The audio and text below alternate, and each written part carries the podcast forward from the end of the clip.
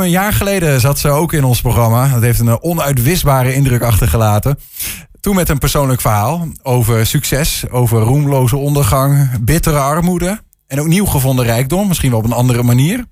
En een boek dat ze schreef over dat proces. Dat boek Blut, dat werd een succes. Zaterdag presenteert ze iets heel nieuws, namelijk een dichtbundel. En ze is bij ons, Dorothee Loorbach. Welkom. Dankjewel. Hoe is het je vergaan uh, sinds de publicatie van, uh, van Blut? Nou, eigenlijk heel goed. Dat, uh, het, wa het, was echt een soort van wedergeboorte. En daarna was alles veel simpeler. Um, en toen kwam corona natuurlijk. Of corona was er al, maar er kwam weer een lockdown, weer een lockdown, weer een lockdown. Mm -hmm. en, um, en toen had ik ineens uh, heel weinig uh, inkomen. Maar ik had gelukkig van Blut wel geleerd dat ik een buffer nodig had. En dat die langer moest zijn dan ik kon, uh, kon inschatten. En toen werd dit jaar mijn, mijn meest creatieve jaar. Dus toen ben ik dichtbundel gaan schrijven. En theater. Is dat dan geboren uit de noodzaak? Dat je dacht van ja, um, we moeten iets nieuws creëren? Nou, ik zie het niet echt als noodzaak, maar doordat ik geen opdrachten had, kon het. Dus ja. Ja, om echt iets vanuit jezelf. Uh, even, toch heel even over, over Blut. Uh, want we hadden het over een, een, nieuw gevonden rijkdom. Wat, wat, mm -hmm. was, wat was dat? Wat heb je gevonden? Wat, wat, wat is het, het, punt waar het boek dan om draait, wat jou betreft? Nou, dat ging eigenlijk over waarde. Over um, dat wat belangrijk is voor je centraal stellen, maar ook jezelf belangrijk maken. Dus vinden dat.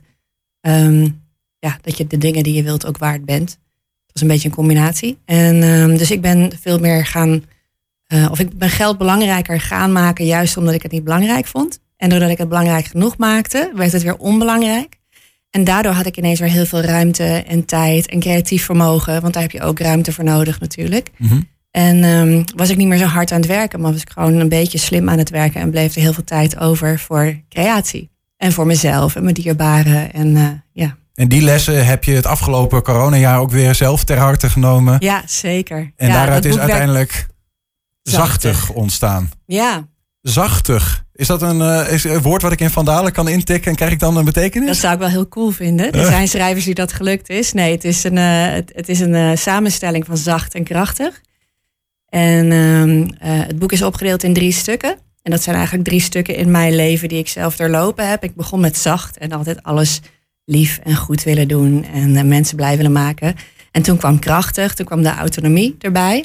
En zachtig is de combinatie daarvan. Dus dat je wel je grenzen aangeeft, maar toch ook vanuit compassie bijvoorbeeld kan leven. Of gewoon zacht kan blijven of kwetsbaar kan zijn. Is het ook chronologisch zoals je het nu vertelt? Ben je zeg maar in die tweede periode, die krachtige periode, ook af en toe een bitch geweest? Moet ik dat dan zo zien? Dat, dat, dat, dat kan ik nu af en toe wel zijn, ja. Dat, uh, nu ik, wel? Ja, ik was, ik was laatst met mijn moeder en mijn dochter was ik een spelletje aan het doen. En toen werd ik ineens wat fanatiek. En toen zei mijn moeder van, oh, dat, zo fel ken ik je helemaal niet. Maar toen was je niet zo zachtig dus? Toen was ik niet zo zachtig. Nee, daarna wel, want ik kon er heel snel ook weer om lachen... omdat ik dingen niet meer zo persoonlijk uh, bedoel of opvat. Dus Ja. dat, uh, dat valt dan wel weer mee. Ja. Is het Ja. dan een soort van ook dat je op een gegeven moment leert in je leven of hebt geleerd om het ehm, flexibel toe te passen? Van oké, nu moet ik even echt krachtig zijn en nu moet ik misschien iets gas terugnemen of zo. Is dat het, eh, wat je er dan. Ja, ik denk dat het gewoon eh, eh, onverontschuldigend jezelf zijn is. Dus, en dat is niet altijd lief en het is ook niet altijd van je afbijten.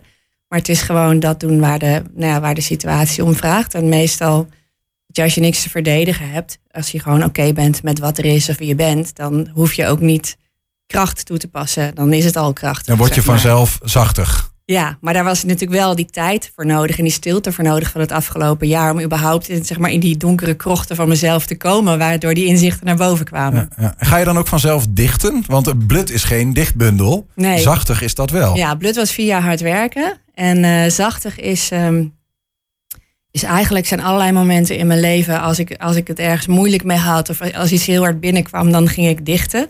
En uh, van de eerste 30, 40 jaar in mijn leven, zeg maar, staan er nog een paar tussen. Maar de rest is allemaal van het afgelopen jaar. En um, uh, ja, de een die komt in 10 seconden en die schrijf ik midden in de nacht even snel op en dan is die er. En de ander, daar ben ik maanden aan het, aan het schrappen en sleutelen en dan is die er pas. Ja. Het merendeel is dus de afgelopen jaar ook tot stand gekomen. Ja, ik denk 90% is uh, van de afgelopen uh, negen maanden, denk ik, zoiets. Ja. ja. En wat is er dan... Um, want het afgelopen jaar was een bijzonder jaar. Je noemde al corona, mm -hmm. lockdown. Nou ja, misschien is, je had meer, meer ruimte. Um, uh, wat zit er in die verhalen wat afgelopen jaar de, de, erin is gekomen... wat mm -hmm. bijvoorbeeld er niet in zou zijn gekomen... als je hem vijf jaar geleden had gemaakt? Oh, jij stelde vorige keer ook al van die briljante vragen.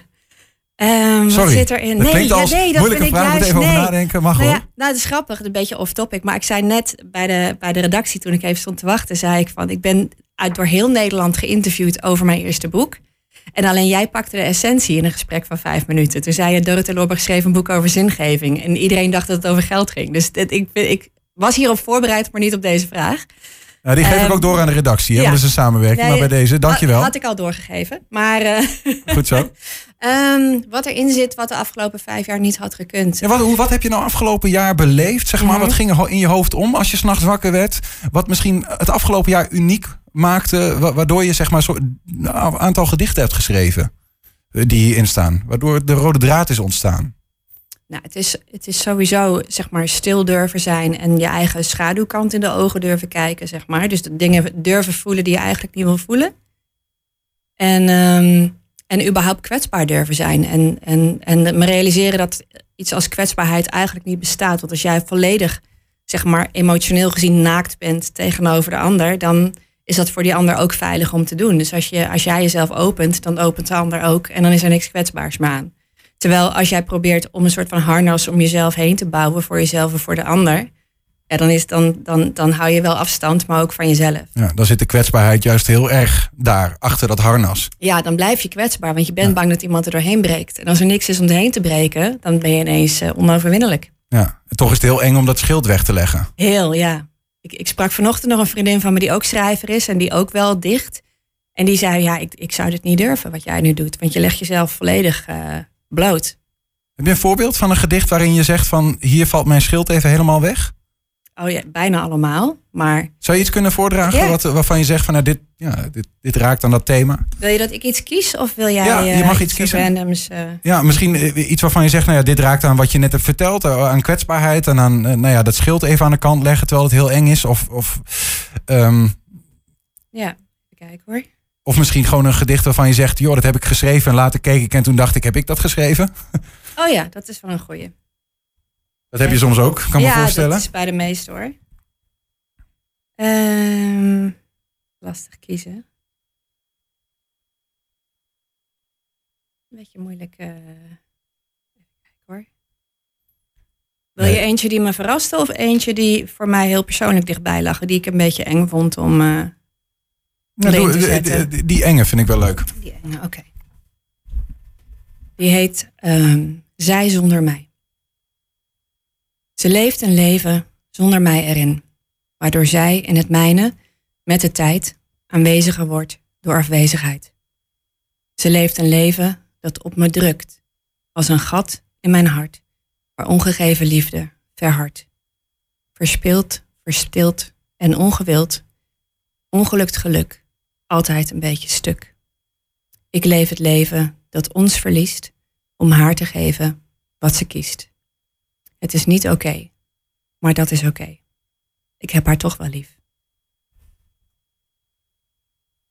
Voor wie gaat dit? Het gaat over mijn zusje.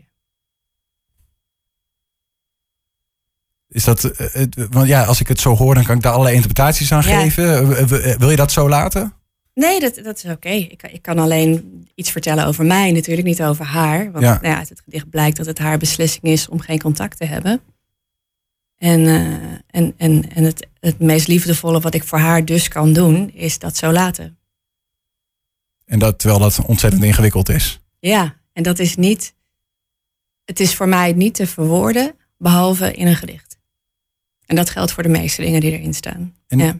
Is het, want dat, dat is natuurlijk wat, wat een gedicht, als je, eh, dat je dat schrijft en dat je dat terugleest en dat je denkt van wauw, dit is inderdaad. ehm, eh, de, ja, gebeur, gebeurde dat vaker? Dat je dus inderdaad, eh, bijvoorbeeld s'nachts iets had geschreven of een keer gedacht dat je schreef het op en dan later dacht dat iemand aan je vraagt hoe gaat het met je en die zegt pagina 67.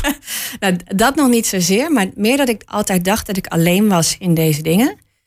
En toen heb ik op Instagram heb ik dit gedicht gepost. En toen kreeg ik tientallen berichtjes van mensen van heb je hem misschien ook in de hij-vorm? Want hij gaat over mij, alleen dan over mijn broer of mijn zoon of mijn man of wat dan ook. Of in de zij-vorm. En dat ik hem dus uiteindelijk heb ik hem in hij en zij in de dichtbundel opgenomen. Mhm. Omdat ik blijkbaar woorden kan geven aan gevoelens die anderen ook hebben. Maar die ze zelf niet hebben. En dat maakt het heel makkelijk om het te publiceren Omdat, omdat ik het als een, nou ja, als een voorrecht zie dat ik die woorden wel kan vinden. Hoop je ook dat dat, dat dat een van de, of misschien het effect is van die gedichten, dat, dat mensen herkenning vinden en dat hun gevoel woorden wordt gegeven door je gedichten? Ja, ja dat, dat hoop ik echt. Ik, ik, ehm, ik heb afgelopen jaar ook samen met een singer-songwriter heb ik een theatervoorstelling ontwikkeld. Ongescript heet dat. Die is dus ook volledig ongescript. En daar draag ik ook gedichten voor.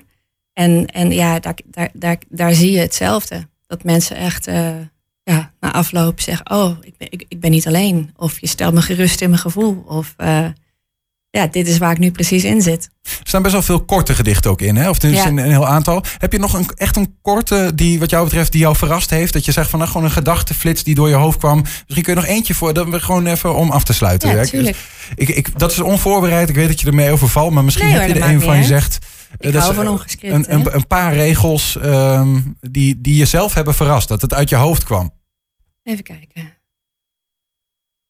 Tot slot, zeg maar. Uh... Dan vertel ik ondertussen dat je aankomende zaterdag deze dichtbundel gaat uh, presenteren. Ja.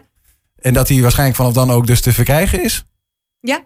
Op ja, hij is nu plekken. al te verkrijgen. Nu al te ja. verkrijgen? Ja, hij is vorige week geleverd. En nu Even googelen. Uh, zachtig.nl. Dan, dan vind je hem meteen. Ja, ik kan, ik kan een hele korte doen die ik um, op de achterkant heb gezet. Die kwam ineens één minuut voordat hij naar de vormgever moest. En dat is de dingen die ik open als dichter dragen aanzienlijk lichter dan de dingen die ik probeer te sluiten door ze niet te uiten. Dat is precies samengevat over die kwetsbaarheid en dat scheelt. Hè? Ja, ja, precies. Dat is het. Ja. Dorothee Loorbach, dank uh, voor, voor je openhartige uitleg en voor een, een, nieuw boekje. Heel anders dan je vorige, maar uh, ja. en uh, veel plezier aankomende zaterdag. Dankjewel.